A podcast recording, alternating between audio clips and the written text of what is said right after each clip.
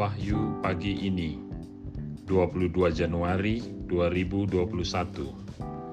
Mazmur 85 ayat 9. Aku mau mendengar apa yang hendak difirmankan Allah Tuhan. Saudara-saudari terkasih, seperti pemazmur, mari bertekun membaca dan mendengar firman Tuhan dalam kitab suci.